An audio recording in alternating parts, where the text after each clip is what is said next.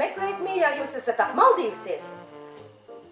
Man ieteica iesēsties tramvajā, kas saucoties Ilgas, nobraukt sešas kvartālus un izkāpt Elizējas laukos. Šobrīd jūs te esat? Te ir Elizējas lauki. Tad man laikam ir iedots nepareizs numurs. Kādu numuru jūs meklējat? Tramvajs ar nosaukumu Ilgas. Tā burtiski latviski būtu tulkojams amerikāņu dramaturga Tennessee Viljamsa drāmas nosaukums A Streetcar Named Desire.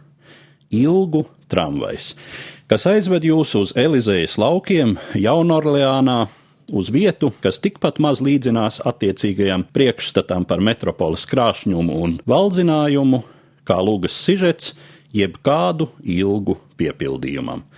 Pirmo reizi priekškarš šai lugai vērās Šuberta teātrī Ņūhēvenā 1947. gada 3. decembrī. Ilgu tramvajs ir Tennessee Viljamsa otrā lūga, tapusi diezgan smagā un mokošā procesā, un savu galīgo formu, kā atceras autors, ieguvusi pēc kādas viesošanās Jaunorleānā.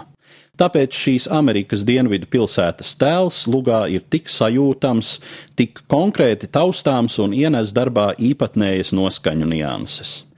Tas ir vēstījums no tumsas dzīvēm, šis samežģītais, žēli mulstošais gaismas un kultūras stariņš kliedz šajā tumsā. Mūsu dienvidu štatos pastāvošais raupjas varmācības, neiejūtības un vulgaritātes spēks to izdzēš. Par to kliedz šī lūga. Tā par Tennessee Viljamsa darbu izsakās tā pirmais režisors, tobrīd jau slavens skatuves meistars Elija Kazans. Bet, protams, tēma neaprobežojas ar Savienoto Valstu dienvidu štatu vides atspoguļojumu.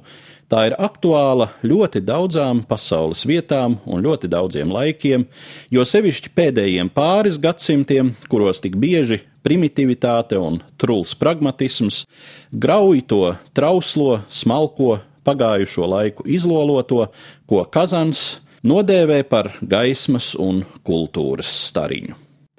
Tēmas izjūtā pagājušā gadsimta vidus amerikānim Tenesijam Viljamsam ir daudz kopīga ar vairākas desmitgades agrāk dzīvojušo un radījušo Antonu Čehovu, un ilgu tramvajs ir tas darbs, kas dod Viljamsa vārdam pasaules skanējumu un paceļ autoru pasaules dramaturģijas olimpā. Pirmizrāde atklāja pasaulē vēl vienu izcilu vārdu. Tobrīd 24 gadus veco aktieri Marlonu Brando, kā Stenliju Kovaļski.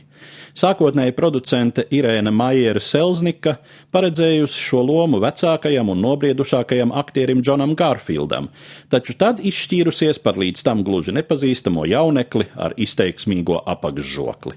Tā izrādījusies spoža izvēle. Brando un viņa partnere Blanšas lomā Jessica Tendija sevi lieliski apliecinājuši Viljamsa darbā, Marlons Brando kļuvis pat par tādu kā Stenlija Kovaļska etalonu tēlu, drīzumā nospēlējot šo lomu arī kino Elijas Kazana 1951. gada filmā, kur viņa partnere bija Viviena Lī.